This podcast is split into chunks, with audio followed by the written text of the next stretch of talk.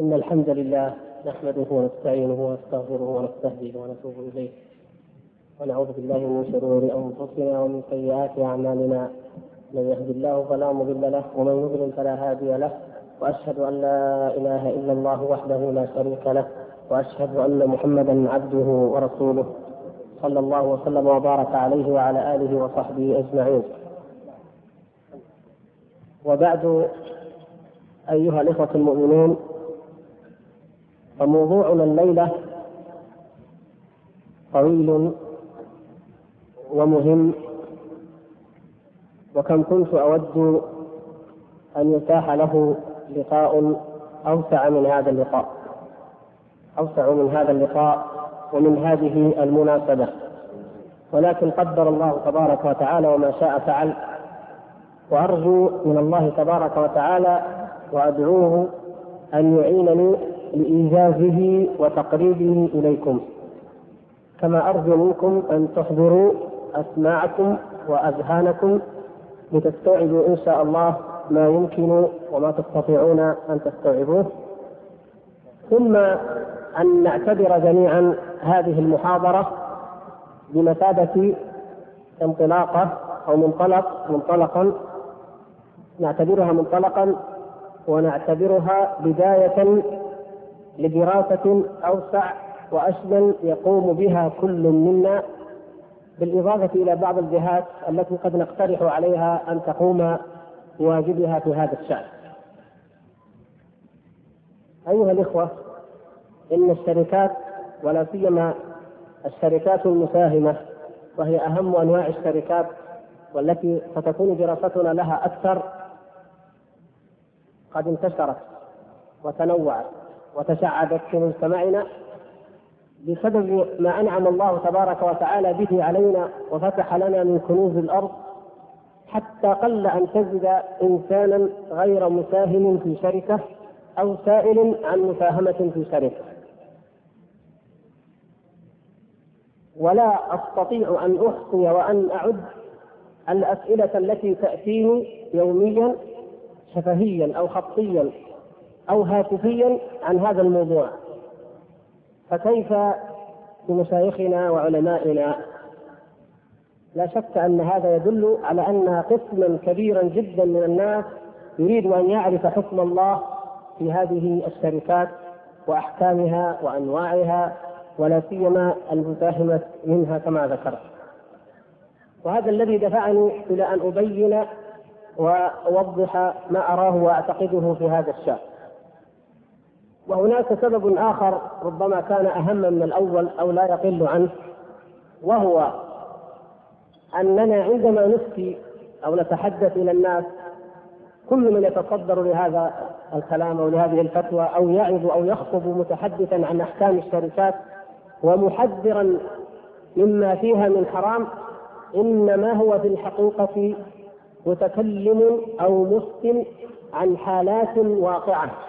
وجزئيات معينة يسأل عنها السائلون فيفتيهم من خلال ما يعلم. ولذلك نجد أن هذا لا يعطي الحل الشامل الجذري. ولقلة ما رأيت ولا سيما في المحاضرات والندوات وما سمعت من معالجة جذرية لأصل موضوع الشركات رأيت أنه لا بد أن أقول وأن أسهم ببعض ما يوفقني الله تبارك وتعالى له ثم أترك البقية لإخواننا المتخصصين في هذا المجال ممن جمع بين العلم الشرعي وبين الدراسة الاقتصادية وفوق ذلك علماؤنا الأفاضل الذين لا بد أن يدلوا بدلوهم وأن يقولوا كلمتهم الفصل في هذه القضايا. القضية يا إخواني ليست قضية جزئيات ومسائل متكررة يومية يسأل عنها الناس. ما حكم كذا؟ ما حكم أنا ساهمت في شركة كذا؟ ما حكم شركة كذا؟ لو استمرينا على هذه الحال سنظل إلى الأبد ما تغيرت من أمورنا ومن أحوالنا إلا تغييرات جزئية معينة بقدر ما يقتنع بعض الناس. وكثير منهم لا يسأل وكثير منهم قد يسأل أو بعض منهم يسأل ولكنه لا يمتثل لجواب أو فتوى المشكل. إذا لابد من حل جذري لمساله الشركات لبيان حكم الله تبارك وتعالى فيها من أصلها من واقع نظام الشركات السعودي أو وهو النظام أو القانون المطبق في هذه البلاد على الشركات. وقبل أن ندخل في تفصيل هذا الكلام نتحدث عن نشوء الشركات ولا سيما الشركات المساهمة في العالم. فنقول إننا لا نستبعد أن يكون مجتمعنا الإسلامي قد عرف أنواعا أو بعضا من الشركات المساهمة أي التي يكثر فيها المساهمون لأنه كما تعلمون وجدت بل كان منذ الجاهلية ثم في الإسلام وفي توسع ونمو الحضارة الإسلامية وتعاملها مع الأمم وجدت الشركات المعروفة التي بينها وفصلها علماؤنا في كتب الفقه شركة العنان وشركة المضاربة شركة المفاوضة وشركة الوجوه وذكروا ما كان منها شركات الأبدان وشركات الأموال إلى غير ذلك. فلا تجد كتابا من كتب الفقه إلا وفيه أحكام لهذه الشركات. فطبيعي أقول أن يوجد نوع من الشركات المساهمة بأن يجتمع طائفة من الناس كبيرة ويكونوا شركة. لا نستبعد أن يكون ذلك قد وقع. لأن هذا من وقائع من الوقائع العادية التي لا تؤرخ أو لا لا ليس من الضروري أن تذكر لكن هذا يختلف اختلافا بعيدا عن الشركات في الواقع الغربي وفي القانون أو الطاغوت الغربي الذي يحكم حياة الناس والذي استوردناه وهو المطبق الآن في العالم الإسلامي مع الأسف الشديد. وذلك أن الشركات أيها الإخوان في الغرب أصل نشأتها إنما نشأت بالذات الشركات المساهمة نشأت نشأة استعمارية. أول ما يذكرون في تاريخها شركة تسمى الأخوة أخوية أو شركة المغامرين المكتشفين الإنجليز وتفرع منها وانتشر أو ظهر فيما بعد شركة الهند الشرقية التي درسناها تقريبا كلنا في التاريخ وهي التي احتكرت تجارة الهند وأيضا شركة الهند الشرقية وهي شركة هولندية احتكرت التجارة في جزر الهند الشرقية إندونيسيا وما والاها. ثم ظهرت شركات الشركات التي ظهرت في مصر أيضا استعمار مصر والقبض على القطن فيها. ثم شركات الرقيق التي كانت في إفريقيا تبيع الرقيق لأمريكا وغيرها. ثم ظهرت شركات البترول وسيطرت أيضا على بترول المنطقة وتحكمت في إخراجه وتوزيعه وتسويقه بنسب معينة مع الحكومات. المهم أن وجود الشركات المساهمة يرتبط تاريخيا بماذا؟ بالاستعمار وبالاحتكار وبالمذهب الرأسمالي الذي لا يحل حلالا ولا يحرم حراما وإنما هدفه الحصول على أكبر قدر من الربح بأقل قدر ممكن من المال أو الجهد هذه هي القضية والحقيقة الواقعة نتيجة لانتشار هذه الشركات المساهمة وما صاحبها من انتشار أي احتكار وانتشار الغبن والتفاوت الطبقي الفاحش بين الأغنياء وبين الفقراء وما كان لهذه الشركات أيضا من نفوذ شديد على الدول يزيد من شدة التفاوت الطبقي ومن الظلم نشأت الاشتراكية الدعاوى والمزاعم الاشتراكية والماركسية. وليس الوقت مقام تفصيل في, هذا. تعلمون الاشتراكية وما هذا تريد. لكن نقول كيف أثر نشوء الاشتراكية على المجتمع الرأسمالي بالشركات المساهمة الكبرى؟ أثر ذلك أن الدول الغربية شمال أوروبا شمال غرب أوروبا بالذات خشيت على نفسها من الثورات العمالية الاشتراكية فأخذت تعدل نوعا ما من نظامها الرأسمالي وتضع قيودا معينة على النظام الاقتصادي وعلى الشركات ومن هنا ومع الزمن تحولت أكثر الشركات من شركات اتفاقية عقدية بين الناس إلى شركات قانونية يحكمها القانون يحكمها النظام الذي تضعه الدولة. واحتاجت الدول الغربية إلى تشكيل أو إنشاء ما يسمى المؤسسات العامة وهو نوع من أنواع الشركات. المؤسسات العامة تدرى عن الدول هذه. فتنه أو خطر الثورات والاضطرابات العمالية. لماذا؟ لأن العمال يساهمون فيها. وفي نفس الوقت تظهر الدولة بمظهر العدالة الاجتماعية. آه، مع المحافظة على النظام الرأسمالي في حقيقته وفي لبه وهكذا كانت الشركات المساهمة. ولذلك فإن ال- الذي يظهر وواضح جلي في إدارة الشركات المساهمة وفي عملها أن الذي يقبض على زمام الأمور هو مجلس الإدارة. مليون من الناس أو أكثر يشعرون أنهم مساهمون في الشركة وأن لهم حق التصويت كما يريدون. فهذا يعطيهم رضا وقناعة بها ومن المستحيل أن يثور أحد عليها لأنه مساهم فيها. ولو بسهم واحد يشعر أنها له ولا يريد أن تخسر لكن في الحقيقة أعضاء مجلس الإدارة وهم دائما فئة معينة محدودة من الناس تحتكر كل شيء وتعمل بكل شيء. ولهذا يقول بعض الاقتصاديين إن هناك أكذوبتان في القرن العشرين. أكذوبة الديمقراطية وهي أن الشعب يحكم نفسه بنفسه والذي يحكمه في الحقيقة هي فئة متسلطة معينة باسم الديمقراطية. والثانيه أكذوبة مجلس الإدارة في الشركة المساهمة أو المؤسسات العامة. لأنه يتصرف في كل شيء والمساهم لا يدري عن شيء. إذا قلت بهذه الطريقة أو أو بهذا المنهج العملي تقريبا نشأت أو جاء كانت ظروف نشاه الشركات وخاصة الشركة المساهمة في أوروبا. ما القانون الذي يحكم هذه الشركات؟ أول ما عرف من قانون مفصل مكتوب في أوروبا هو قانون نابليون الذي أظهره في أول أو في مطلع القرن التاسع عشر من عام 1804 إلى 1807 تقريبا. وهذا القانون هو الذي استورد في البلاد العربية ودخل مع الاستعمار عندما قدم البلاد العربية. فعم قانون أكثر أنحاء العالم الإسلامي. وكانت الدولة التي تحكم العالم الإسلامي دولة الخلافة هي الدولة التركية كما تعلمون، الدولة العثمانية.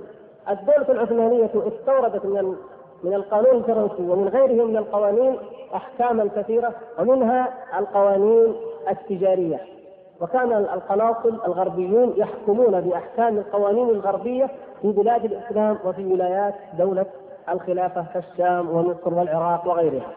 فنتيجة لذلك جاءت هذه القوانين إلى بلاد العالم الإسلامي. زيادة على ذلك مصر وهي أهم وأكبر الدول الإسلامية في هذا الشأن أوجدت لها دستورا وضعيا سنة 1923 وقبله صدرت عدة عدة مراسيم أو أنظمة للحكم لكن أهمها هو هذا الدستور. ثم بعد ذلك وضعت القوانين أو وضعت القانون المدني المصري الذي هو أكبر وأهم القوانين في العالم العربي وهو باعتراف واضعه الأكبر.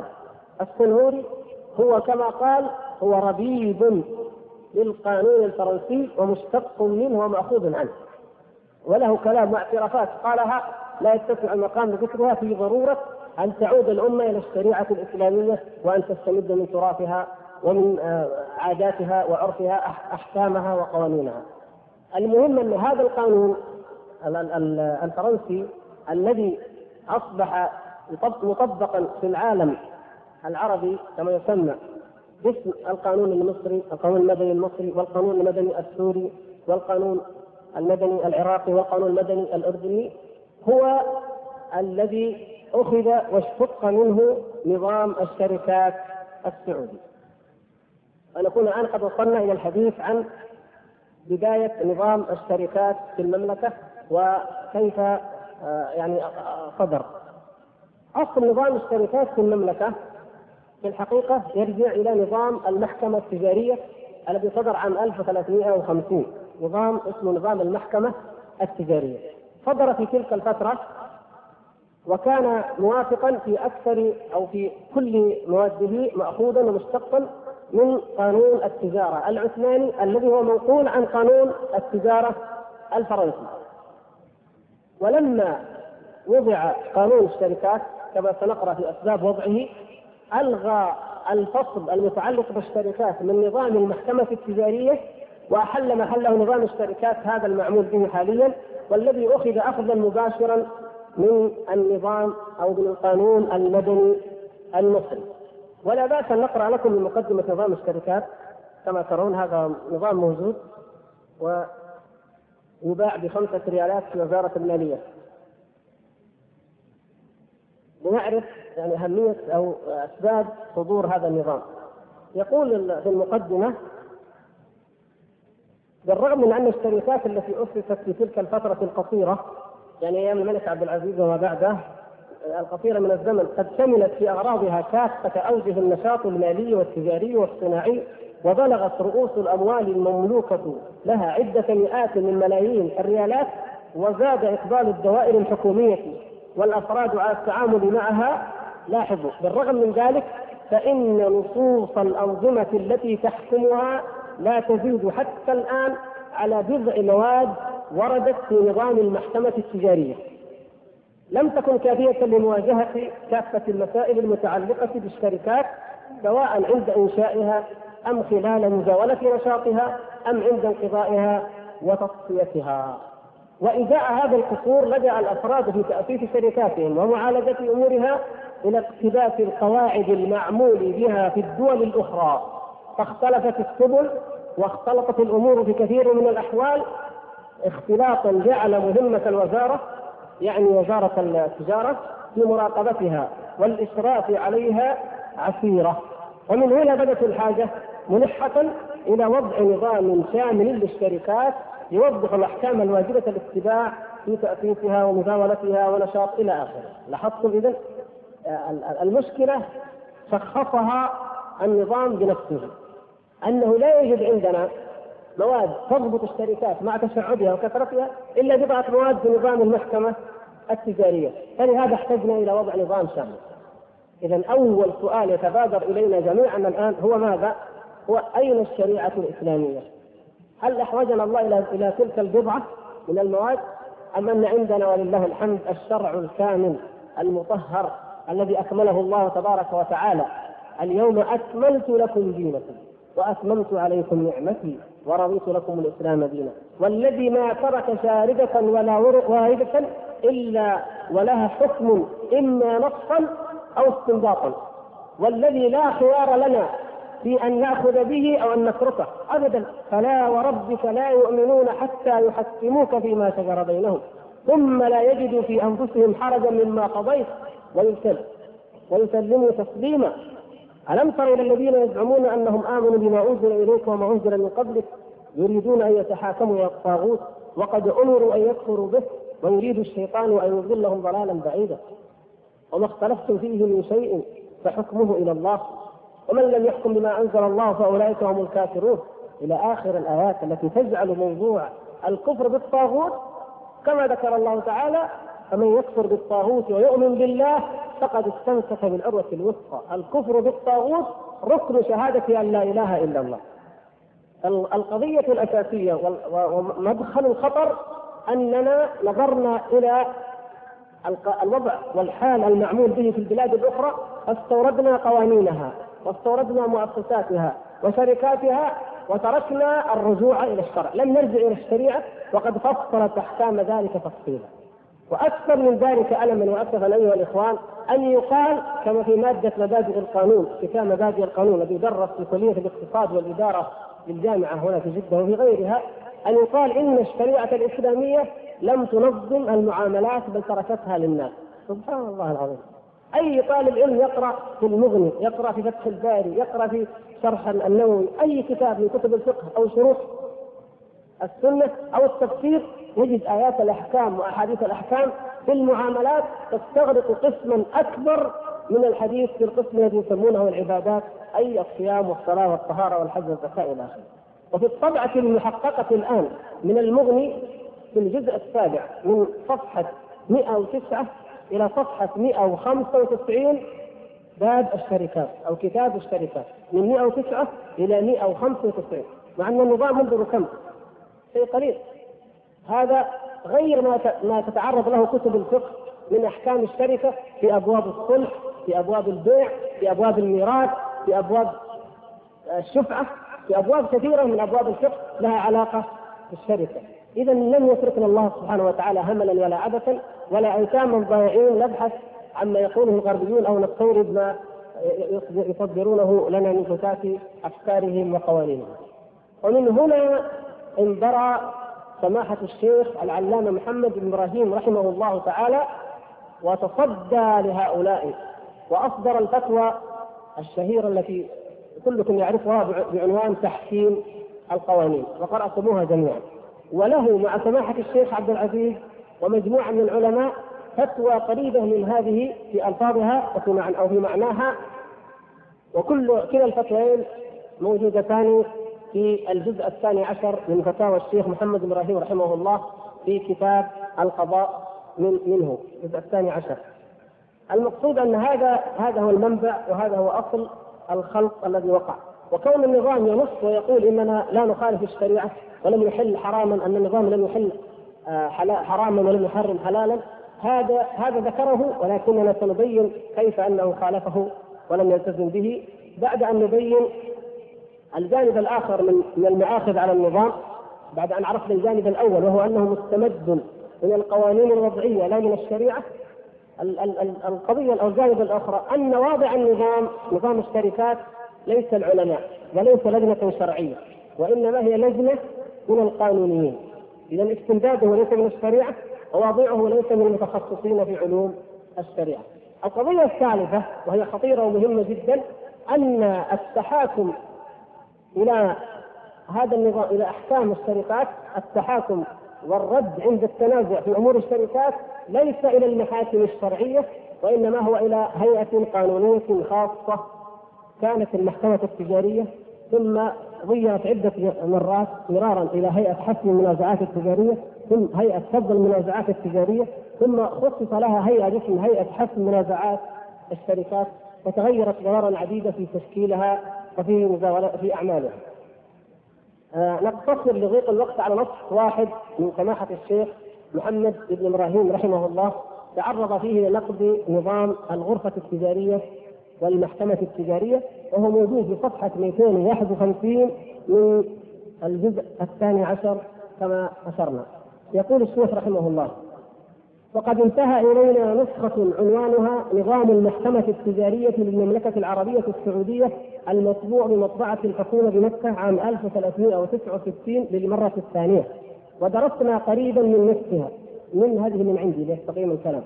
فوجدنا ما فيها نظما وضعية قانونية لا شرعية. فتحققنا بذلك أنه حيث كانت تلك الغرفة هي المرجع عند النزاع أنه سيكون فيها محكمة وأن الحكام غير شرعيون بل نظاميون قانونيون ولا ريب أن هذه مصادمة لما بعث الله به رسوله صلى الله عليه وسلم من الشرع الذي هو وحده المتعين للحكم به بين الناس والمستضاء منه عقائدهم وعبادتهم ومعرفة حلالهم من حرامهم وفصل النزاع عندما يحصل التنازع. واعتبار شيء من القوانين للحكم بها ولو في أقل القليل. لاحظوا عبارة الشيخ واعتبار شيء من القوانين للحكم بها ولو في أقل القليل لا شك أنه عدم رضا بحكم الله ورسوله ونسبة حكم الله ورسوله إلى النقص وعدم القيام بالكفاية بحل النزاع وإيصال الحقوق إلى أربابها. يعني ينظر كيف نسبة آه الحكم الله إلى عدم الكفاية.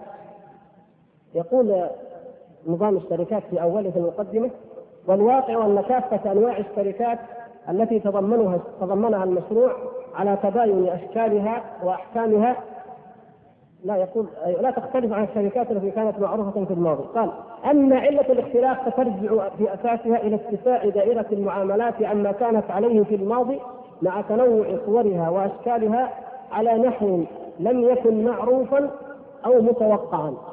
يقول لم يكن معروفا أو متوقعا وهذا لا يجوز أن يقال أو ينسب إلى الشريعة لأنه لا يمكن أن يقع أي شيء إلا وله حكمه في دين الله.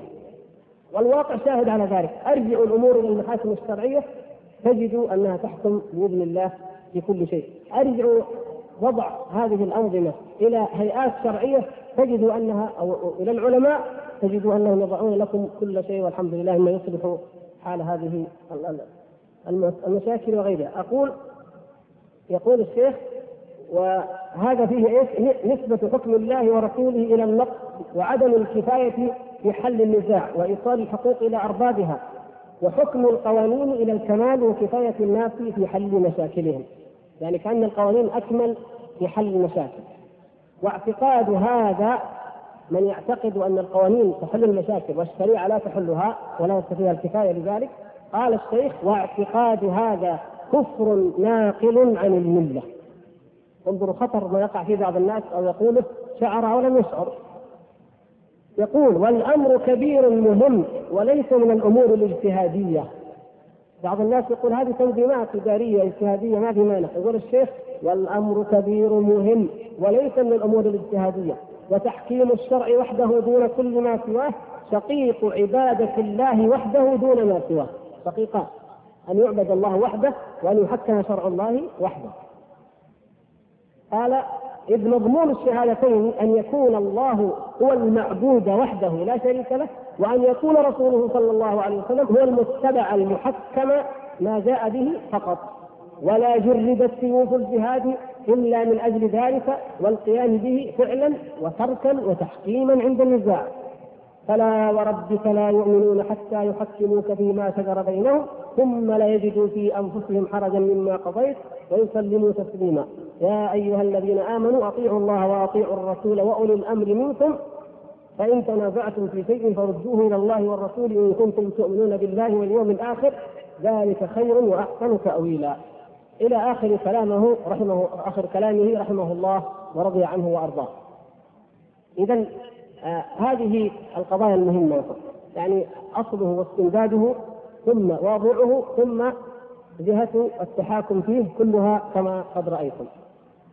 هذا في الجملة. بقي أن نتعرض لنقد تفصيلي لنظام الشركات ونعرف لماذا يقع الخلل والخطأ وتكثر أسئلة الناس اليوم ويقعون في الحرج العظيم من جراء مساهمتهم في هذه الشركات.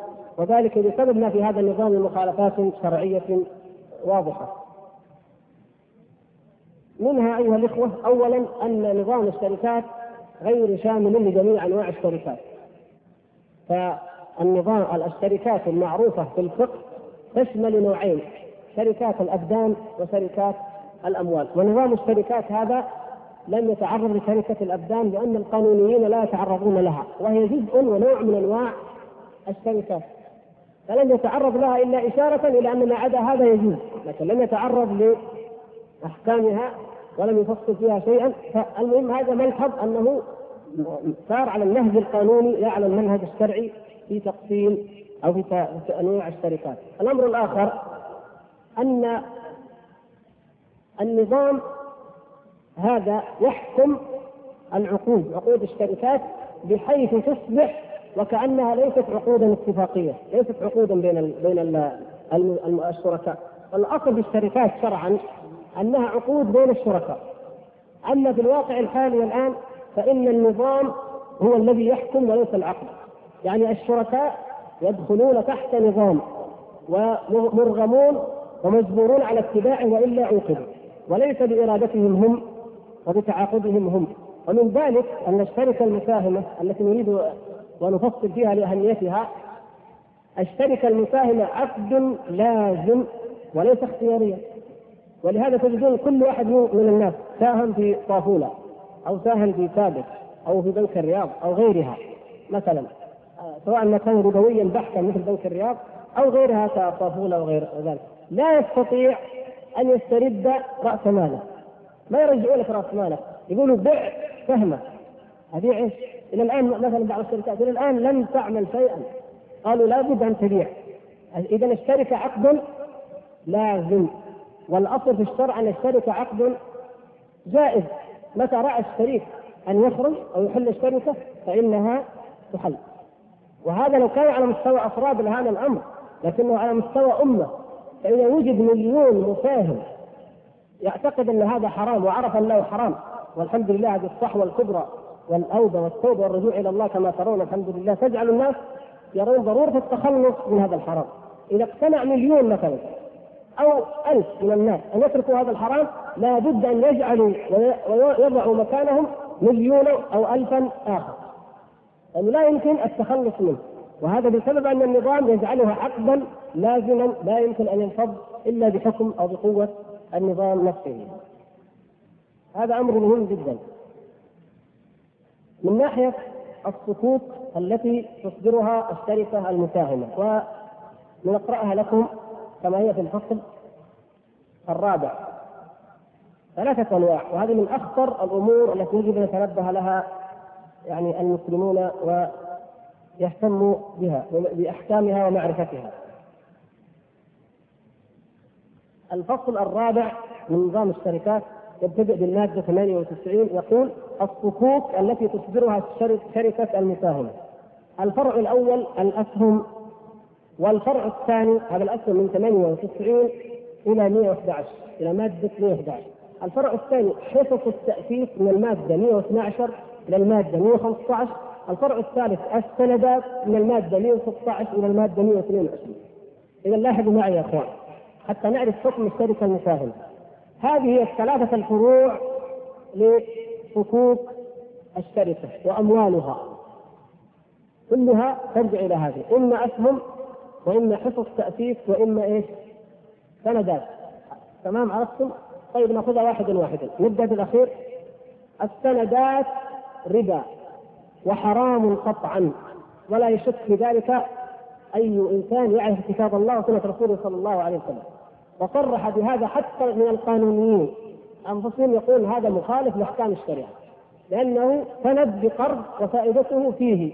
معروفة معلومة والسند أيضا يتداول فهو عبارة عن قرض أو سندات بقرض يسمونها. هذا حرام قطعا ولا شك فيه اذا هذا الفرع باطل كله. ما يحتاج نفصل فيه لأنه ما يحتاج إلى أن نبين أو نستدل على أن الربا حرام. النوع الثاني حصص التأسيس وهي حرام أيضا لماذا؟ ما معنى حصة التأثير؟ نقرأ تعريفها من نفس النظام حتى يقول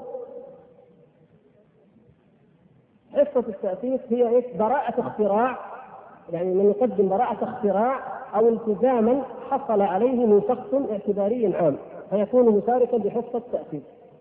يعني مثلا الشركة تريد أن تعمل هذا رجل ما عنده مال يقدمه لكن عنده اختراع ينفع الشركة. خدمة معنوية للشركة. أي خدمة معنوية للشركة؟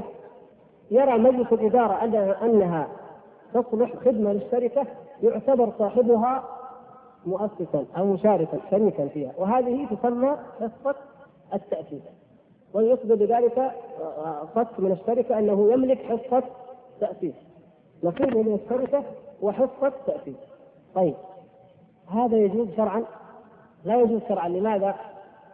لأن فيه جهالة وفيه غرض ويترتب عليه مفاسد كثيرة وباتفاق تقريبا كل من بحث المسألة من الباحثين أن هذا حرام بل أسوأ من ذلك يقول يا إخوان الخدمة المعنوية هذه من يفسرها؟ مجلس الإدارة ولذلك يمكن أن تكون حقيقة رشوة. يمكن تكون رشوة تقدم مثلا الشركة شركة استيراد موظف يعني بدون يعني الطعن في أي جهة لكن هو فرضا فرض يعني موظف في الميناء في الجمارك في وزارة التجارة. يعطى حق التأسيس في الشركة مقابل خدمة، الخدمة تسهيل استيراد الأشياء بدون أن تتأخر مثلا أو بدون أن تجمرك أو بدون كذا، هذا يفتح مجال كبير بطريقه نظامية للشركة. وإذا قيل ما حصة فلان؟ قالوا هذا عنده حصة تاسيس هذا ما حصة تاسيس وغير ذلك يمكن يدخل فيها أنواع كثيرة والعالم الغربي اليوم يعيش هذا ويعلمه أكثر الشركات قائمة على الخداع وعلى الغش وعلى الرشاوى وعلى التزويد وعلى أمور كثيرة ويدخل أو ذلك من باب حصص التاسيس لأن هذا الرجل قدم خدمة معنوية.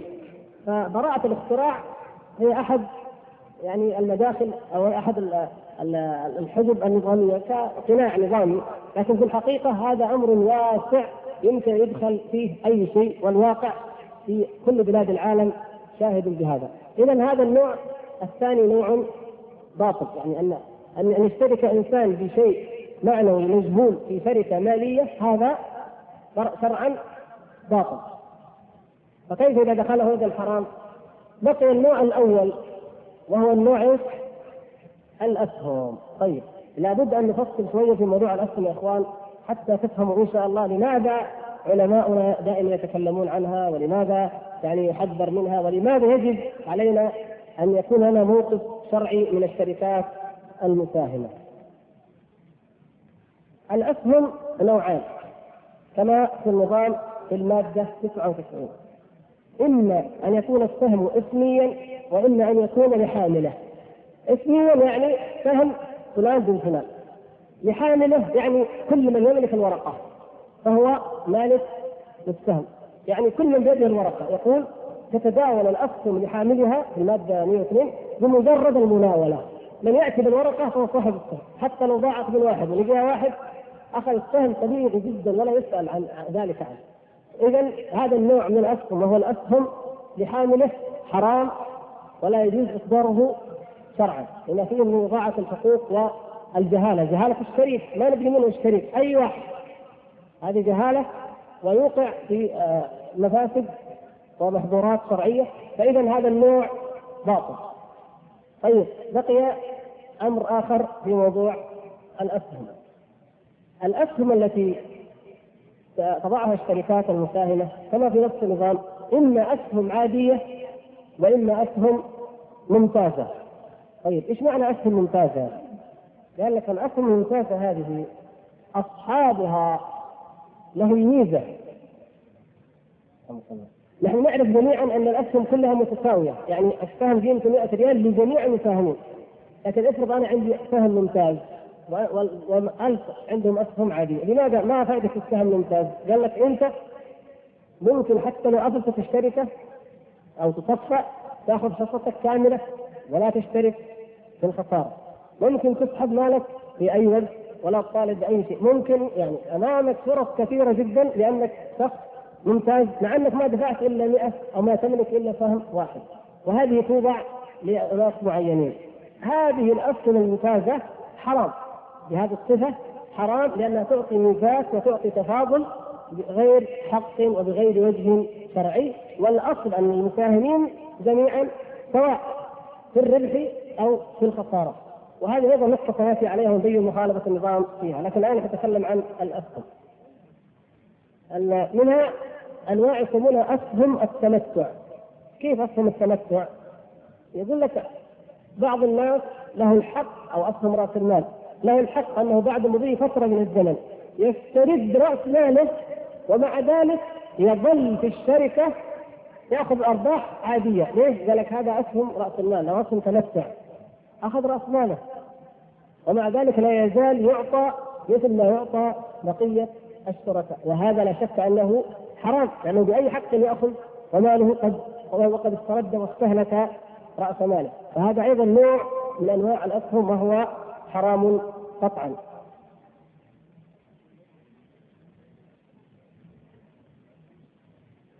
بقي النوع الآخر أو ما عدا ذلك وهي الاسهم التي العادية التي تتداول يعني من غير من غير هذه كما نعلم وهذه يدخل فيها محظورات لا تخلو المحظورات آه، شرعية بعضهم أوصلها إلى حد أنها تبطل الشركة، يعني قال شركة المساهمة من أصلها باطل بسبب هذا وهو أن الشريك يساهم ويشتري ويخرج دون علم الآخرين، فليس هناك بالحقيقة وليس هناك شركة.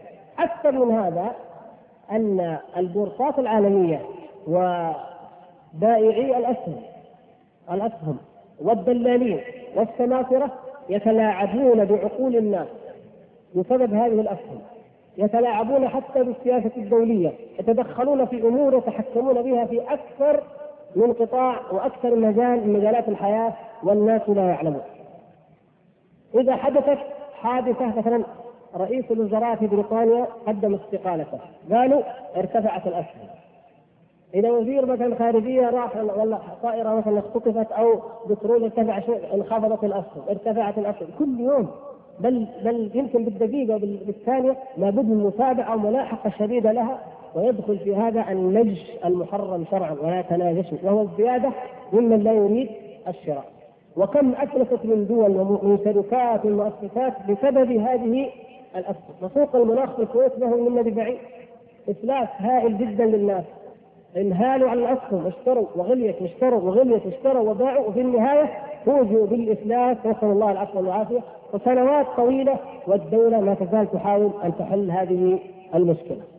اذا هذه من مشاكل الأسهم التي نقول على على فرض أن الشركة المساهمة حلال فهي من مشاكلها هذا البيع وما يدخلها من غش وغرر ونجس ومعاملات محرمة ولا يعني يحصر أثرها لا محاضرة ولا أكثر لأن أثرها وضررها عظيم. هذا بالنسبة لموضوع الأسهم. من المخالفات الشرعية أيضا وهي مخالفات كلها أساسية نحرص عليها أن نظام الشركات السعودي أجاز أن يحصل الشريك بالعمل على نسبة من الأرباح زائد أجرة ثابتة وهذا لا يجوز شرعا لأن ربما استهلكت الأجرة الربح كله. فماذا يبقى؟ المفروض أن لا يجمع له بين الشريك بالعمل له عمله ولا يعطى زيادة على ذلك أجرة ولعل فيما بعد يأتي الكلام عن مكافأة أعضاء مجلس الإدارة وما يتعلق بها وهي قريب من هذا. ثم من المخالفات التي فيه مخالفة لأحكام الشريعة أنه لم يجعل الخسارة على قدر رأس المال. في الشرع موضع اتفاق بين العلماء أن الخسارة على قدر رأس المال. نظام الشركات لأنه ماخوذ من القوانين الغربيه يضعون الخسارة بحسب إيش؟ الاتفاق. يجوز أنك تدفع مبلغا أكثر وتكون خسارتك أقل وهذا أيضا من الظلم ومن الاجحاف ويولد الشحناء والبغضاء بين الناس المساهمين وغير مساهمين. مع ما سبق بيانه من تحريم السندات أجاز نظام الشركات السعودي تحويل سندات القرض إلى أسهم يعني أول كان كان قار مقرض اقرض بفائدة قالوا ممكن تحول يصبح إيش؟ يصبح مساهما ويزيد الطين ذلة يصبح مصيبة على مصيبة وكل ما ترتب على الباطل فهو باطل وبني على الحرام فهو حرام. الملاحظة أيضا السابعة أن مكافأة أعضاء مجلس الإدارة وهذا كما ذكرنا يعني مثلا أعضاء المجلس واستئثارهم وشراء الأصوات لعلي أجيب نكتة وهي واقعة. يمكن عشان تصحوا شوية. قبل أيام كما تعلمون أنه في الأسبوع قبل الماضي اللي قبله كان بنك الرياض بنك الرياض يكتسب ها؟ قبل أيام وهذه ورقة موجودة معي و يعني لسماحة الشيخ عبد العزيز وصورة منها لي. جاء إلى منطقة الباحة شخص يدعي أنه يمثل شركة من الشركات. وقال كل واحد يجيب رقم تابعيته يجيب رقم الحفيظة ورقم البطاقة وياخذ صورة منها هو ويعطيهم 200 ريال في منطقة مناطق منطقة الباحة تعرفون الفقر الشديد هناك خاصة جهة البادية وجهة تهامة فقر فقر مرتع جدا. والواحد يقول إيش فيها؟ أعطيها رقم الحفيظة واخذ 200 ريال. هذا مشكلة. وتجمع الناس بالمئات أو بالالوف ووزع عدة ملايين. وذهب. فتذكرت لما كتب سماحة الشيخ عن هذا تذكرت أنني فعلا كنت أظن متوسطة يعني في المعهد ما أدري في أي مرحلة بالضبط أنه كان فعلا جاءنا ناس من هذا النوع. يمرون يأخذون توابع الناس ويعطون فلوس. إيش تبغوا؟ قالوا كذا مساهمة. والناس لا يدرون عن شيء. ما تدري إن رقم حديثك هذا ذهب باعتبار أنك مساهم لأن البنك له شروط. يعني نظام الشركات يفرض شروط المساهم. فلو واحد جاء المسجد هذا الآن أخذ منا تواقيع وراح سوى شركة مساهمة وعمل كل شيء ورتب شغله باسمائنا ومجلس إدارة وتصويت وانتخابات كل شيء ونحن ما ندري ليش اخذ المبلغ ولا أي شيء. هذه حقائق واقعة الآن. لأنه كما اظن مجلس إدارة هذا مجرد يعني ينوب. ناس يقولوا إنه وكيل وناس يقولوا إنه ما أدري إيش. اختلف كيف يكيفونه فقهيا. نحن هذا ما تحتاج تكليف. اجعل القضية كلها على الشرع. لا تحتار في تكليف أي شيء. فيقول لك مثلا أكثر مساهمين ويمكن كثير ممكن يسأل إن كان ما مساهم يسأل المساهمين في صافولة. هل يعلم شيئا؟ أو غيرها هذه بس مثال. هل يعلم شيئا متى تنعقد مجلس الإدارة متى تنعقد جمعيه كذا. المهم وكل عن صوتك ولا فلان خلاص. ولا يعلم شيئا بعد ذلك ماذا يصيب وماذا يدور. اذا هذا يعني يفتح بابا للتحايل. فكأنها تمثل الأمة كلها في الحقيقة لا تمثل إلا أفرادا معينين. جانب آخر يجب أن نذكره هنا وهذا لإبراء الذمه أيضا. افرضوا أن أي واحد منا وفقه الله وفتح منشأة تجارية وكبرت حتى صار رأس مالها كذا مليار. بأي حق تحول إلى شركة مساهمة وتعرض الاكتساب العام ويشترك فيها من هب ودب. يعني أنا قاعد مثلا أنا قاعد في بيتي والآخرين في بيوتهم قاعدين. لا ساهمنا يعني لا اشتغلنا لا علمنا لا تاجرنا والله في واحد عنده شركة ضخمة يجبر على أن يحولها إلى شركة مساهمه اقوم أنا أشتري وهذا يشتري وهذا يشتري. باي حق. لماذا؟ قالوا لأن هذا يمنع الثراء الإثراء الفاحش. إن كان هذا الإثراء من طريق شرعي فلا حرج في ذلك ولو بلغ مليارات أليس كذلك؟ وإن كان من طرق محرمة فيمكن الطرق المحرمة. ما نعالج المشكلة بمشكلة أخرى. لما عولجت مشاكل الشركات الكبيرة بأن تطرح تكون شركات مساهمة كما ترون في الواقع ما الذي فعلوا أصحاب الشركات الأصليين؟ يقول لك هذا حقي أنا ملكي أنا. يقوم يشتري الأسهم. هو يشتري يشتري يشتري فيرجع القضية ترجع أن رأس ماله. ما ما استفدنا شيء. ورطنا ورطنا الناس في معاملات كثير منها محرم ورجع الأمر إلى صاحبه. لماذا؟ لأن القضية من اصل مبنيه على غير أساس شرعي.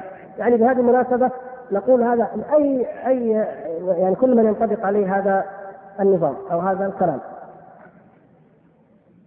فيقولون أعضاء مجلس الإدارة لا تزيد مكافآتهم على 10% الشرع يا إخوان ينصف حتى أعضاء مجلس الإدارة وإن كانوا يظلمون المساهمين يتحكمون. لماذا؟ لأن مكافآتهم لا تزيد عن 10% بعد خصم كل يعني المصروفات وبعد أن يوزع من صافي الأرباح ما لا يقل عن 5% على كل مساهم. طيب افرض ما بقي لهم شيء.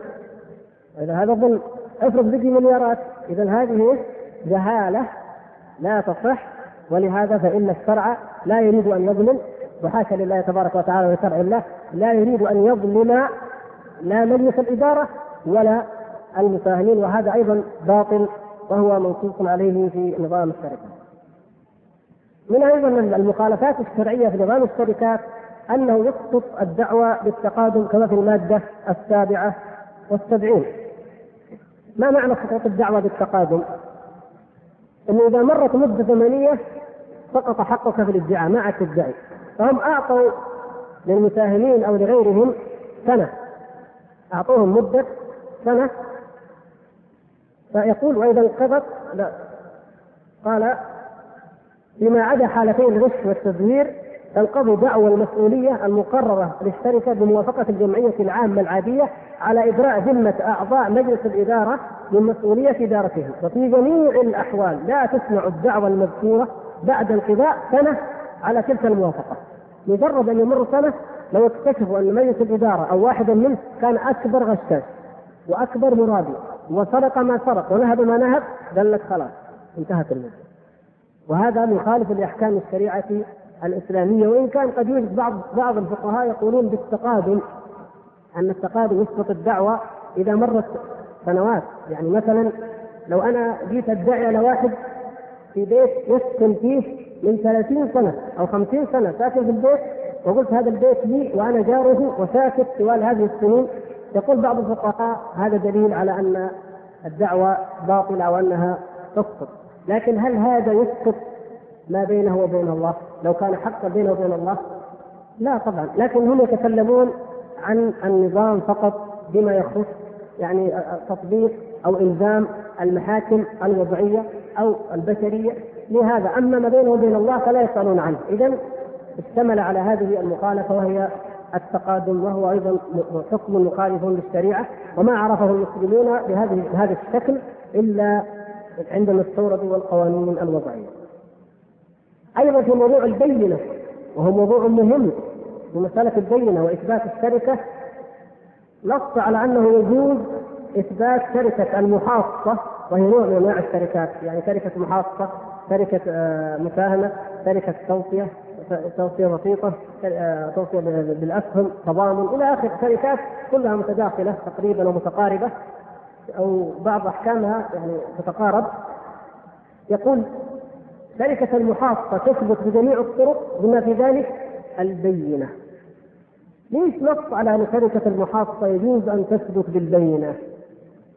أولا لأنها شركة مستترة، المحاصة شركة مستترة، رجل يعمل والناس يعرفونه هو صاحب المحل، لكن شخص آخر وضع لديه ساهم معه بشيء من المال، هذه شركة المحاصة. يقول يجوز حتى بالبينة إذا مفهوم ذلك أن الأصل في الشركات أن لا تكون البينة هي آه، مصدر الإثبات. البينة المعروفة شرعا. إذا ما هو المعتمد عليه يا إخوان؟ ما المعتمد عليه عند القانونيين في البينة؟ الوثائق إيش؟ المحررة الخطية يعني لو جبت عشر شهود على شركة عدول ثقات لا يقبل أما لو جبت ورقة خطية موثقة فانها إن هي وحدها التي تقبل بعض القوانين تجعل هذا ركنا من اركان الشركة، يعني الشركة التي لا تقيد لا تكتب ليست شركة باطل. النظام والقانون السعودي لم يعتبره ركنا وإنما اعتبره شرطا شرطا للشركة. في كما في المادة العاشرة. كم بقي من الوقت؟ عن الأذان؟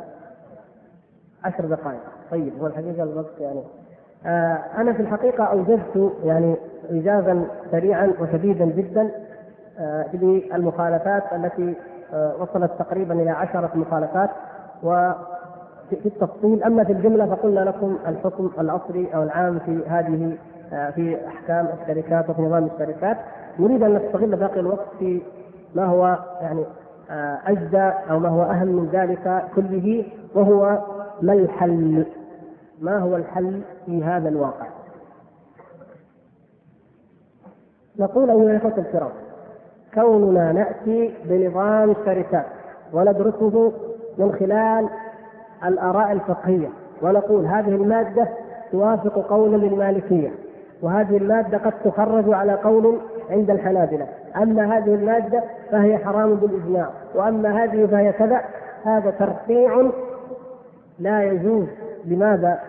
لأن ذلك إقرار منا بأصل الفكرة وهي استمداد القوانين الغربية واستيرادها كما هي بواقعها وتطبيقها في بلاد المسلمين. ثم بعد ذلك نأخذ المقارنات والمشابهات. ولو بقينا على هذا الشأن فسنظل عقودا أو قرونا وأوضاعنا لا تصلح أبدا. ويشبه هذا العمل التلفيق الذي قال عنه العلماء من اتبع رخص العلماء فزندق. موضوع في الأسهم يوافق رأي عند المالكية. وموضوع مثلا في في توزيع الأرباح فرضا يوافق رأي عند الشافعية. وموضوع كذا تلفيق لا يقره لا من يعتمد المذاهب الفقهية كما كان حال الأمة عندما كانت مقسمة إلى انتماءات مذهبية ولا من يدعو إلى تحكيم كتاب الله وسنة رسوله صلى الله عليه وسلم وهو ما يجب أن يدعو إليه كل مسلم. فلا يجوز أن نستورد قانونا وضعيا ثم نبدأ نقارن فقرة فقرة مادة مادة ونخرجها على مذهب الفقه لأن الذي جاء بهذا القانون ما أراد هذه المواد ويقول النبي صلى الله عليه وسلم إنما الأعمال بالنيات. هذا ما نوى أن يستمد من كتب الفقه. ولا قصد بان يكون هذا الشيء حلالا أنه موافق لمذهب فقهي. وإنما أنت المسكين الذي تخرج الأحكام بينت ذلك. فنقول لا هذا العمل لا يصح. وإنما الحل الصحيح الذي يجب أن تجمع عليه الأمة اجماعا هو أن يلغى نظام الشركات القائم حاليا. كما كما يلغى غيره. تلغى أنظمة البنوك الربويه ويلغى أي نظام مخالف لشرع الله. يلغى الغاء تاما. وتشكل هيئة أو لجنة علمية من علمائنا الأفاضل لله الحمد. أو من دون العلماء والعلماء يراجعون في النهاية يعني في أوقاتهم المهم تشكل هيئة علمية مرموقة شرعية وتضع الحلول في الوقائع النازلة النوازل الواقعة التي قد قد تستجد وترتب أمور الشركات عندنا على ضوء الشركات المعروفة في الفقه الإسلامي وما زاد عن ذلك فالاجتهاد وارد والحمد لله.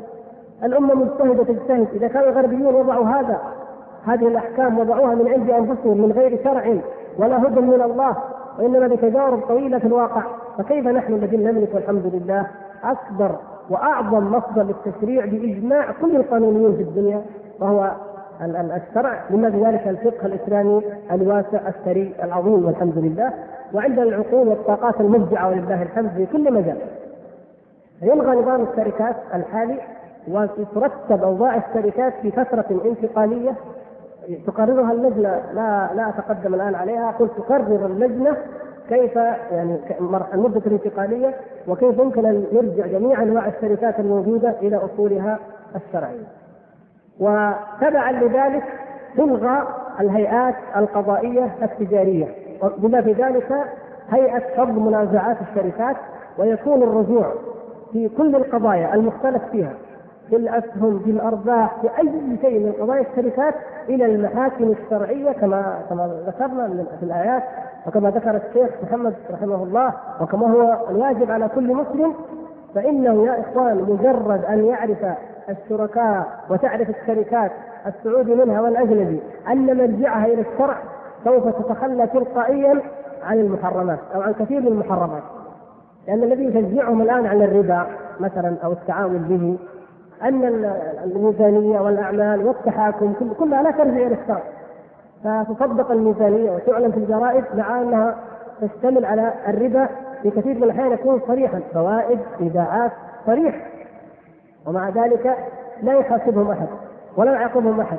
فلو منعت ووضعت أحيلت إلى المحاكم الشرعية لا تخلصنا من هذا الداء بإذن الله. فيصبح الإنسان ملتزما بأحكام سهلة مبسطة واضحة لديه تنظم له أمور الشركات تنظيما شرعيا صحيحا وفي نفس الوقت إن حصل خلاف فالحكم فيه للمحكمة الشرعية. إذا لا يتسرب الحرام بإذن الله.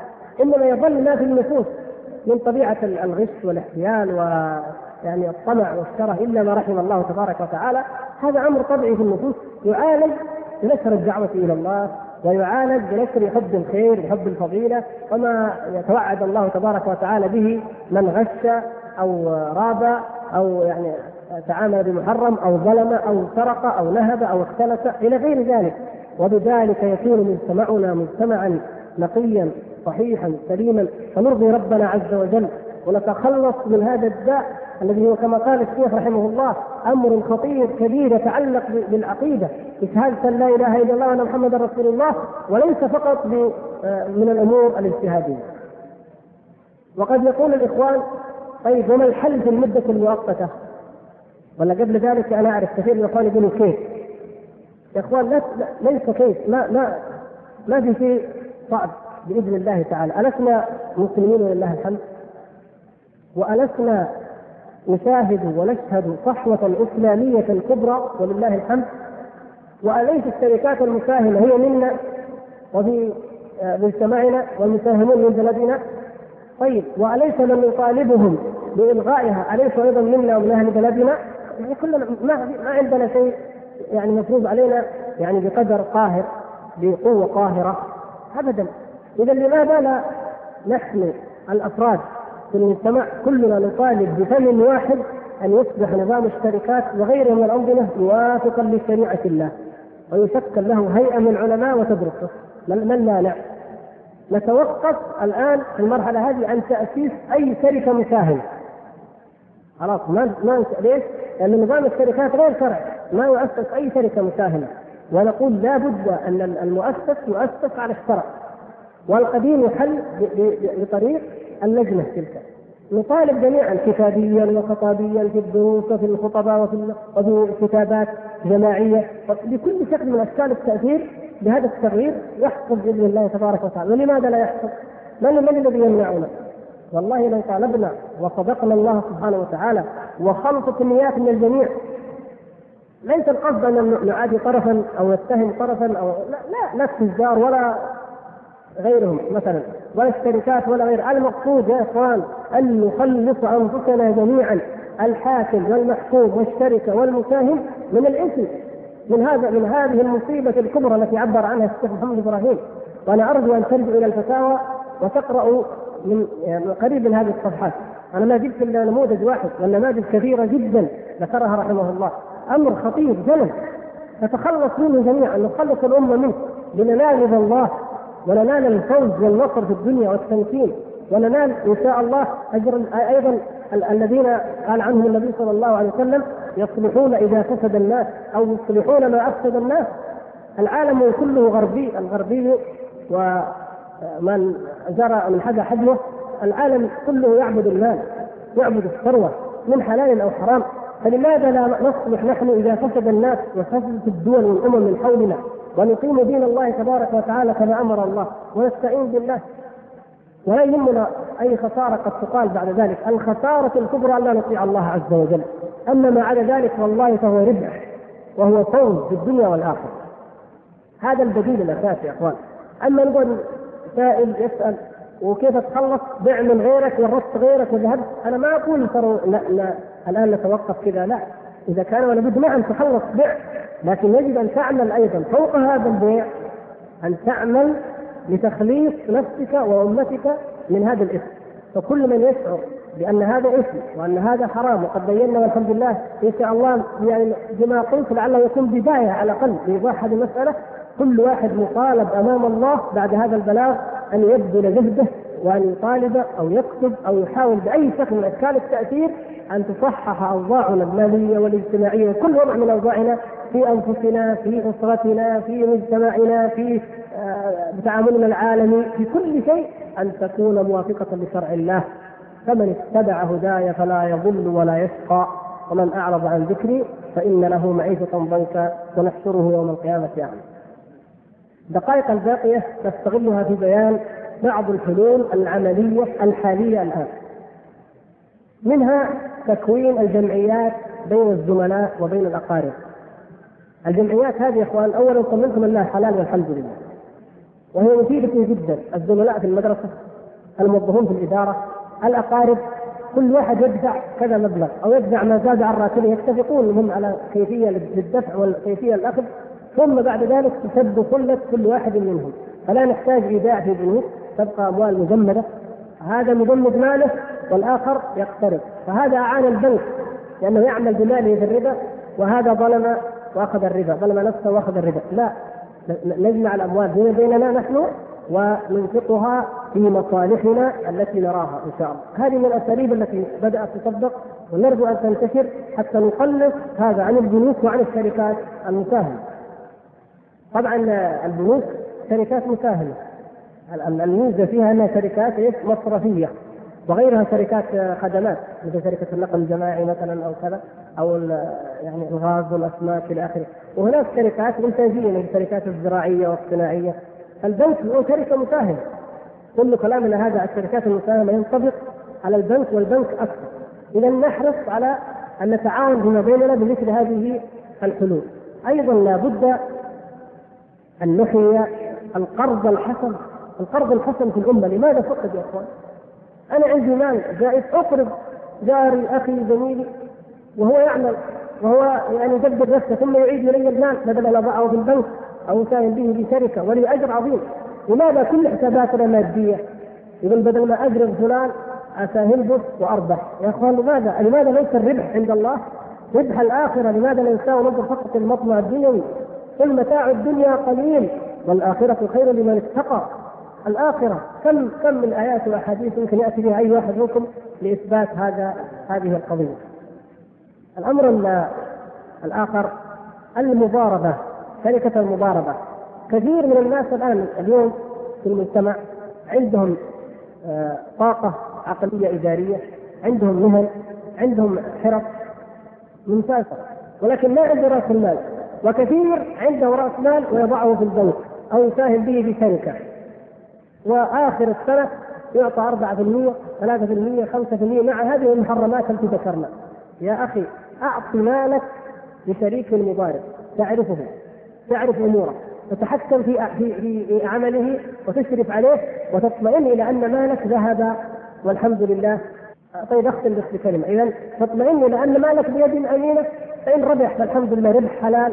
وإن خسر فاعلموا أن الخسارة في البنوك خسارة ولو ربحت فكيف إذا خسرت؟ نسأل الله العفو والعافية وهي تخسر البنك الوطني الدهور قبل فتره البنك القاهرة الدهور شركات مساهمه كثير تدهورت ولا تزال متدهوره إلى الآن هذا أيضا لا يعني يجعلنا نغفل عن جانب المضاربة وهي حلال في إمكاننا أن نعملها جميعا ونتفق عليها مستفيدين من الطاقات الموجودة والحمد لله الآن في المجتمع.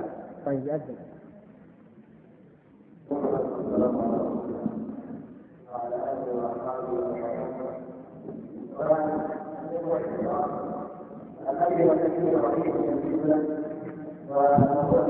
الرهيب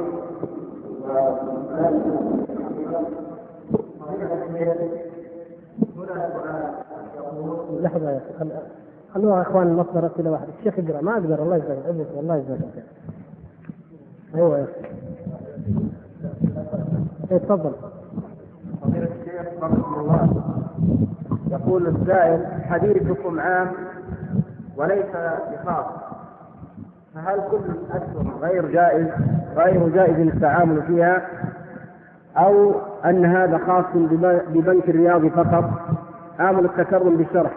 فضيلة الشيخ أظنه بسبب هذا بسبب هذا الفهم عند بعض الإخوان وردت أسئلة خاصة بذكر شركات معينة كصافولة وثابت والبنك العربي بنك الرياض والشركة شركة مكة للاستثمار نعم. وطيبة. إلى آخر ما هنالك من شركات يسألون عنها وعن حكم المساهمة فيها. فنرجو التفصيل. أثابكم الله ما أمكن. حفظكم الله. نعم جزاكم الله خيرا. هذا أحد الشواهد على ما قلت. انظروا كيف كثرة الأسئلة. عن شركات معينة أو عن تعامل معين مع شركات معينة. هذا قلت لكم أحد الأسباب أن تلقى هذه المحاضرة لأننا لو ظللنا ظلينا ندرس كل فقرة من كل شركة وكل نظام في كل شركة واحدة لمضى علينا كم؟ ونصل إلى أي نتيجة؟ ولذلك أنا جئتكم بنظام الشركات بأصله بأساسه وبينت لكم مخالفته للشريعة من هذه الأوجه ويعني إجماليا وتفصيليا. فيبقى بعد ذلك أنه المخرج المعين في جزئية معينة في واقعة معينة هذا قد بينه المشايخ وفتوى فضيلة الشيخ محمد بن عثيمين طبعت الآن كتيب مع فتويان مطبوعتان في كتيب وسماحة الشيخ عبد العزيز. الكلام لأن يعني أصل ما قضية النعام لأننا أصلنا القضية من أساسها. لكن قلت بنك الرياض شركة مساهمة وزيادة أنه بنك ربوي لا يجوز المساهمة به بحال. إذا كنت أطالب بإيقاف كل أنواع الشركات الآن حتى تصحح أوضاعنا وتوافق الشريعة فكيف تتوقعون؟ ماذا تتوقعون نقول في بنك الرياض؟ وهو حرام ربا. إذا القضية إن شاء الله واضحة لجميع الإخوة أن هذا العموم أردنا به تأصيل القاعدة في ذهنك وأن تصبح مطالبتك هي وأن تطالب بتصحيح نظام الشركات من أساسه ليوافق شرع الله. أما أنت بذاتك تبغى تتخلص من موضوع معين له جواب مفصل وموجود ذكره العلماء كيف تتخلص من الربا إذا عرفت نسبته وإذا لم تعرفها إلى آخر ما ذكر المؤسسات الربوية الصريحة لا يجوز المساهمة فيها بأي حال من الأحوال. آه السؤال هذا اللي أعطانيه الشيخ أيضا أو الأخ قال حكم وضع الأموال في البنوك بدون فوائد. أحب أن أؤكد لكم أن وضع الأموال في البنوك بدون فوائد أو بفوائد المهم وضع الأموال في البنوك ليس إيداعا كما يسمونه ونتخيله وإنما هو إقراض. هو قرض على الحقيقة لا على المجاز. قرض بمعنى أنك أنت تقرض البنك مئة ألف أو مليون أو المبلغ الذي تقول أودعته في البنك اعلم أنك أقرضت البنك. هذا المبلغ. وتبغى دليل على أن القرض لو جاءت أزمة كما حدث في الأزمة الماضية وجوء الناس قالوا كل واحد يبغى أسحب فلوسي يقولوا ما أنا أعطيك ليش؟ والله شغلناها. أنا عندي مشاريع تجارية وعندي كذا وعندي استيراد وعندي كذا ما أعطيك شيء. فأنا أعطيك يعني ما أعطيك حقك كله أعطيك 50% أعطيك 20 أعطيك. لأنه الإيداع الوديعة في الشرع.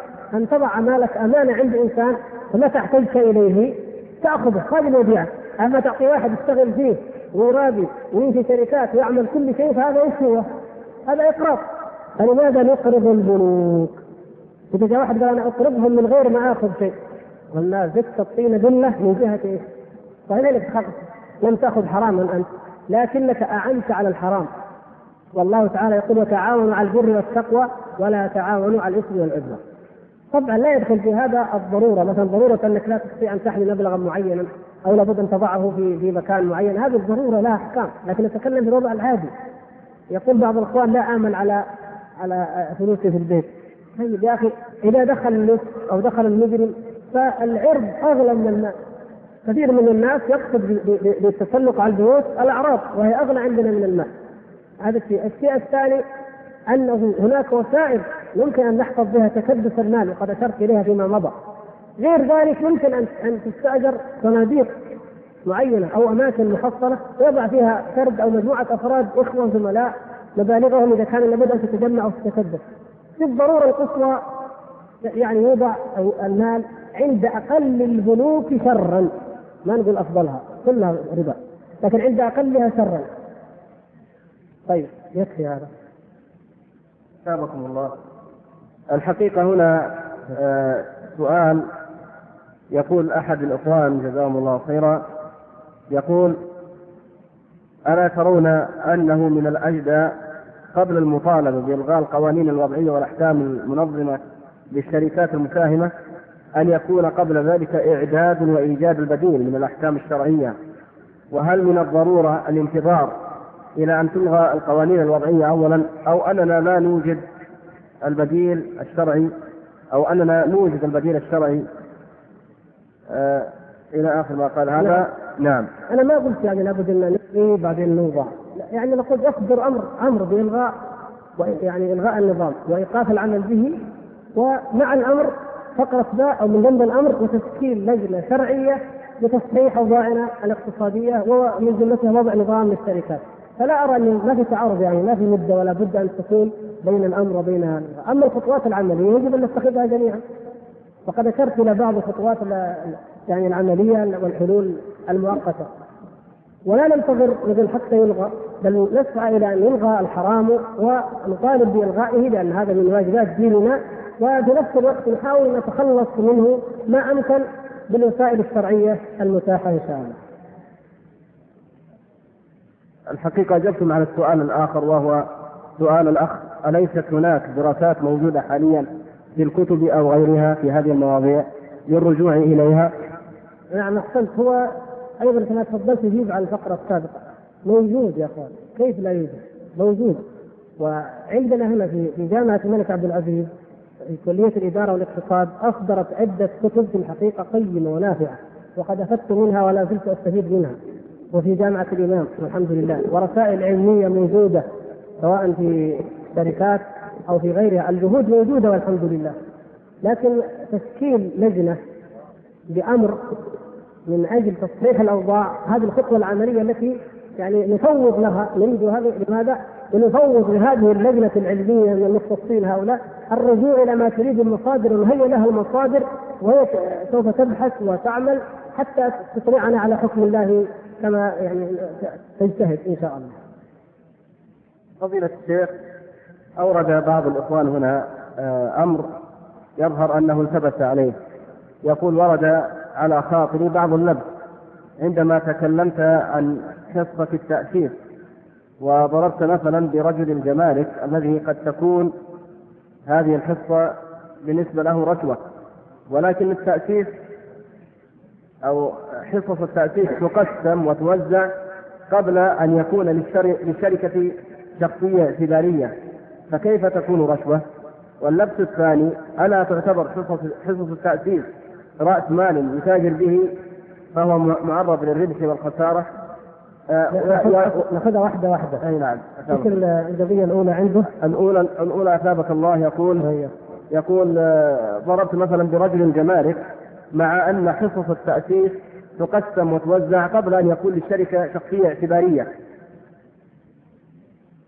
يعني ما أظن من أين جاء الأخ بهذا؟ كيف عرفها؟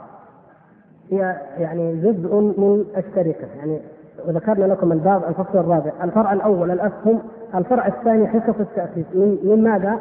من الصكوك التي تصدرها شركة المساهمة عنوان الفصل الصكوك التي تصدرها شركة المساهمة فإذا قد أصدرت بذلك قسطا وهو حصة تأسيس. فهذا ما يقال أنه حدث قبل أن تصبح لها شخصية معنوية. وأظن لا يؤثر في كون الشيء حراما أو حلالا أن تكون الشركة قد اكتملت بالوضع القانوني أو لم تكتمل. المهم أنها قامت وأن حصة بعض الشركاء هي هذه الحصة المجهولة. الفقرة الثانية. الفقرة الثانية أثابك الله يقول اللبس الثاني هو ألا تعتبر حصص التأسيس رأس مال يتاجر به فهو معرض للربح والخسارة.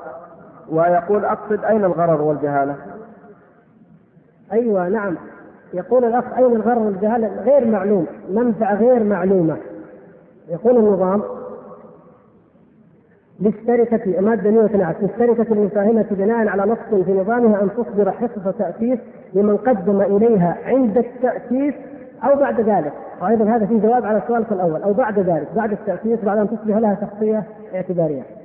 يقول قدم لها براءة اختراع أو التزاما حصل عليه من شخص اعتباري عام. هذا هو إذا مجنون ما هو؟ ما هو الاختراع؟ ما هي البراءة؟ ما قيمتها؟ يعني بعض الناس يخترع اختراع يوازي عشرة ملايين ريال وبعض الناس اختراع ما يعادل ولا مئة ولا ألف. ومن يقدره؟ وعلى أي اعتبار يساهم به؟ بينما نحن اتفقنا على أن الشركة المساهمة ذات أسهم متساوية القيمة. ف يعني واضح في هذا سبب التحريم إن شاء الله. أثابك الله. الحقيقة هنا إشكال ورد في عدة أسئلة وهو ما أصدره شيخ الأزهر من فتوى بجواز آه، وإحلال الفوائد الربوية. فنرجو تعليقكم جزاكم الله خيرا. لأن الأسئلة حول الموضوع هذا كثيرة. نسأل الله العافية. شر الناس من باع دينه بدنيا غيره. أعاذنا الله وإياكم من ذلك. وما أحب مثل هؤلاء الناس إلى أهل الشر وأكلة أموال الناس بالباطل وأصحاب الطمع المادي الذين لا يبالون بحلال ولا حرام. أن يتمندلوا بأمثال هؤلاء الذين يفتون بغير علم. فيجعلونه وقاية كما يزعمون يظنون أنه وقاية من النار. يعني يقول مثلا في العام وكل بها عالم أو أعطي عالم وانت سالم انت سالم. لا لا سلامة من الإثم ولا من الحرام ابدا. لكن اللوم ينصب إلى هؤلاء الذين يفتون بغير علم. نسأل الله العفو والعافية. لا نقول بغير علم بالضرورة أنه لا يعلم الأحكام ولكنهم في حقيقة الأمر ما علموه مما حله الله أو حرمه الله لم يرزقهم أو لم ينفعهم في العلم بالله. لو كان لديهم العلم بالله سبحانه وتعالى لما نفوا أو لما حكموا بخلاف ما حكم الله عز وجل وفتحوا باب الشر في هذه المسائل العظيمة.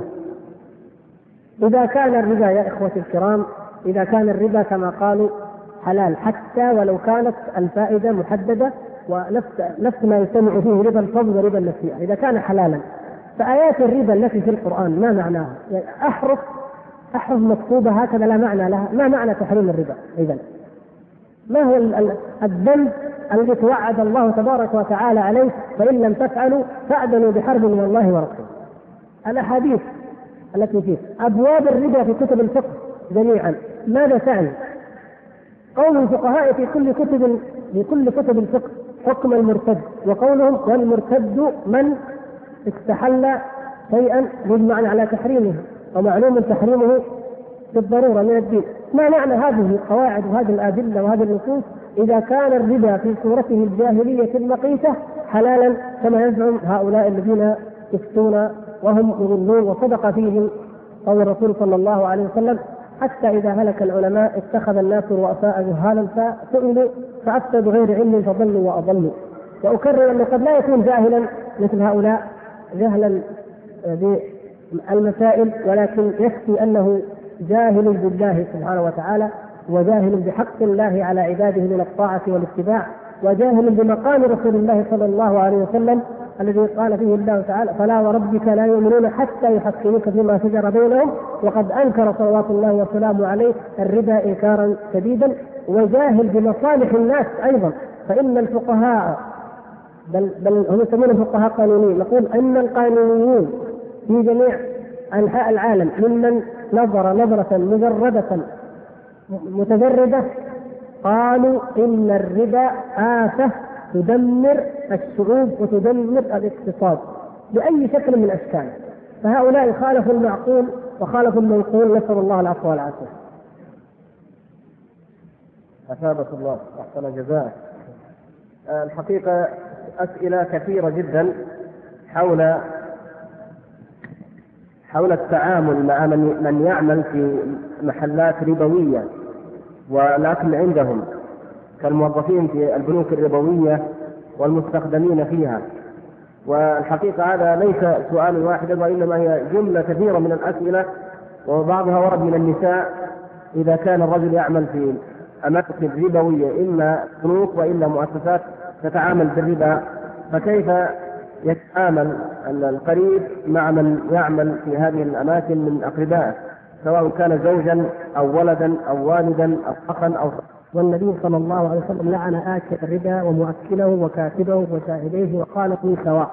يدخل في هذا كل من أعان بأي شكل من الأشكال على خدمة هذا الربا على خدمة هذا الجهاز أو المؤسسة الربوية ولو كان فراشا ولو كان حارسا. أو ما يسمونه أمين صندوق أو مراجع حسابات أو كاتبا. المهم كل ذلك داخل في هذا الحكم فهو حرام عليهم. ولا يجوز لأحد أن يبقى وأن يظل يعمل في أي بنك من البنوك أو في أي عمل محرم لكن البنوك هي أظهرها إلا للضرورة يعني بأن يجد في البحث عن مصدر للرزق فمتى وجده وإن كان أقل من ذلك فيجب عليه أن يتركه والله تبارك وتعالى سيعوضه خيرا بإذن الله. هذا الكلام آه، لا نحتاج إلى الإفاضة فيه لأن فتاوى العلماء فيه والحمد لله والخطباء دائمة ومتكررة لكن الشق الثاني الذي قد يكون آه، قد يخفى على بعض الحاضرين وهو إذا كان الأب أو الزوج يعمل في بنك أو مؤسسة ربوية أو محرمة عموما فكيف يأكل الإبن أو الزوجة؟ ونقول إن الحرام وهذا من فضل الله تبارك وتعالى ورحمته لا يتعدى ذمتين المال الحرام لا يتعدى وينتقل بين ذمتين فالاسم والحرام إنما هو على الأب أو على الزوج أو على مثلا القريب الذي يأكل الحرام.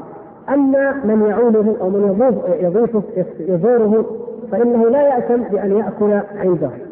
ولكن مع ذلك نقول إن الإبن متى استطاع أن يستقل عن دخل أبيه من المحرم فإنه يستقل عنه ويستغني ويغنيه الله عز وجل يغنيه الله من فضله. وكذلك الزوجة لو استطاعت أن يكون لها دخل أو مصدر من غير مال زوجها فهذا خير وأفضل لأن من الورع ترك ذلك. ولكن ما دامت هي لا تستطيع الإنفاق والزوج الذي ينفق وتنصحه وتحذره وتحاول أن تعينه على تركه ويأبى فهي لا إثم عليها فيما تأكل من من عنده. أما الزائر أو البيت فإنه أيضا نقول لا حرج عليك أنك تأكل في بيت إنسان ولا يحرم عليك أن تأكل في بيت إنسان وإن كان يتعامل بالربا قريبا لك زرته مثلا. لكن هذا لا يعني أيضا أن تتساهل فيه. إنما تعتقد أن هذا من الورع أن يترك وأن فيه شبهة وأنك يجب أن تنصح هذا القريب وتبذل كل ما تستطيع من الدعوة ليترك البنك فلو زرته فإنما تزوره لتنصحه وتبين له خطر ما هو فيه أن ظل يعمل أو دخله مصدره من هذا المال الحرام. يعني هذه تقريبا معظم الصور التي يسأل عنها كثيرا. يعني الأب أو الزوج أو الزائر. يمكن الأجير أيضا نعم. بعض الأخوان يسأل الأجير يقول أنا أعلم أن صاحب العماره يعمل في البنك أو يأكل حرام فهل يجوز أعمل عنده بان أبني له بيتا؟ أو كهربائيا يعمل في كهربائه مثلا في البيت أو أي عمل. فنقول أيضا نفس الشيء. أنت لا يحرم عليك ما ذكرت لأنك إذا عملت عملا حلالا وأخذت أجرتك أنت بوسيلة حلال فلا يحرم عليك المال وإن كان صاحبه أخذه من حرام. لكن أيضا من جهة الورع نعم لو أنك تورعت وقلت لا أعمل إلا عند من أعلم أن دخله طيب لكان بذلك خير لكن انك تسأل أو تتأكد وتبحث عن عمل المقاول أو صاحب العمارة ما هو؟ وهل دخله حلال أم حرام؟ حتى تعمل عنده هذا لا يجب عليك من فضل الله من سعه رحمة الله سبحانه وتعالى. إنما عليك أنت أن تتقي الله في عملك وأن تأخذ الأجرة التي تعمل آه، تستحق عليها الأجر من حلال. آه الإخوان ف... نعم.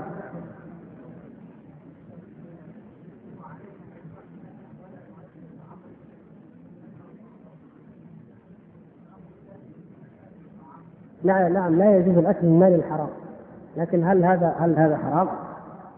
يعني على كل حال المسألة كما ذكرنا الشبهة أو الورع لا لا نشك في هذا، لكن أن نقول إنه حرام هذا الذي ولا تقولوا لما تصف ألسنتكم الكذب هذا حلال وهذا حرام نتورع عنه. قد يوجد من يقول بالتحريم لا أنت لكن أنا ما أعلم الآن ما أعلم من قال إنه يحرم طيب صلى الله وسلم وبارك على أثابكم الله فضيلة الشيخ الله يحفظكم. إخوان نبهونا جزاهم الله خير إلى أن الذي أفتى في مسألة الربا هو مفتي الديار المصرية وليس شيخ الأزهر. أثاب الله الجميع ونرجو المعذرة نعتذر عن هذا. اي نعم. ونحن قرأنا الحقيقة السؤال السائل كما هو لم نتنبه لهذا الخطأ. نحن ما الحمد لله ما سمينا على أي حال ولا يهم الاسم لكن كون العمل أو الوظيفة الصح شيء طيب. نعم. أثابك الله جزاكم الله خير أخ, أخ يسأل يقول أنه يعمل في مؤسسة النقد العربي السعودي وعمله يقوم بعد النقود التي تودع في المؤسسة من قبل البنوك الربوية فما حكم عمله؟ هذا واضح أنه حرام ما دام يعد الفلوس التي توضع من البنوك الربوية في المؤسسة هذا لا يحتاج إلى سؤال حقيقة لماذا؟ لأن ال- البنك المركزي وهذا ال- الوقت ما يسمح بالإفاضة فيه وقت نفتح السؤالات ما تنتهي يعني. البنك المركزي في أي دولة أو بنك البنوك هو البنك الأساسي الذي عندنا يسمى مؤسسة النقد الذي كل يوم يجري المقاصة بين البنوك في التعامل. فكل يوم يأخذ من هذا ويعطي هذا ويجري يجري هذه المعاملات. فمن هنا هو بنك. بالذات في هذا العمل هو عمل ربوي أو عمل محرم لأنه يقر الربا ويشجع عليه ويخدم أهله فأكبر خدمة تقدم للبنوك الربويه هي ما تقوم به مؤسسة النقل من المقاصه فيما بينها وغير هذه المقاصه لصعب عمل البنوك جدا ولا احتاجت إلى يعني عملية طويلة لا تخفى على من يعرف هذا من أهل الخبرة. الموظف الذي يعمل في مؤسسة النقد وبالذات في هذا القطاع لا شك أنه يدخل في عموم الحديث والأدلة التي ذكرنا في تحريم الربا والعمل في مؤسسات. إخوان من القصيم وإخوان من الرياض يبلغونك السلام والمحبة الخالصة.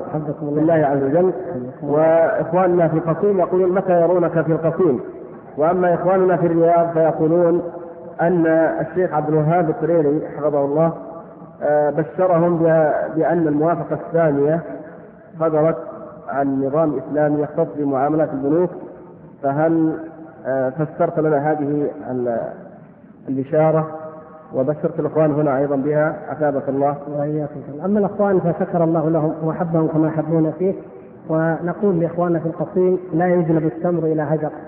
نحن نريد علماء القصيم ودعاته أن يأتوا إلينا هنا وأن يعينونا على ضعف جهدنا في هذه المنطقة الواسعة ولا يخفى على أحد سعتها وشدة حاجتها إلى الدعوة. فنحن لا نذهب إليهم بل هم الذين يعني نطالبهم بأن يأتوا إلينا وباسمكم جميعا نطالبكم ان تطالبوا مشايخ القصيم أن يأتوا وتروا الهجوم احسن وسائل الدفاع. بالنسبة للخبر الآخر خبر مفرح جدا وسار لا شك في ذلك ونسال الله سبحانه وتعالى أن يكون يعني حقيقة لكن أنا ما عندي علم على الإطلاق. لم أسمع إلا هذه اللحظة فلا أستطيع لا أن أؤكده ولا أن أنفيه لكن إن غدا لناظره قريب إن شاء الله. إذا كان واقع فستعلمون وسينشر ذلك ونفرح به جميعا إن شاء الله. ونسأل الله سبحانه وتعالى أن يهدينا جميعا وأن يردنا إليه ردا حميدا وأن يهدي ضال المسلمين وأن يجعلنا جميعا هداة مهتدين صالحين مصلحين. نسعى إلى تحكيم كتاب الله وسنة رسوله صلى الله عليه وسلم في كل صغيرة وكبيرة من أمرنا. وآخر دعوانا أن الحمد لله رب العالمين وصلى الله وسلم وبارك على عبده ورسوله محمد.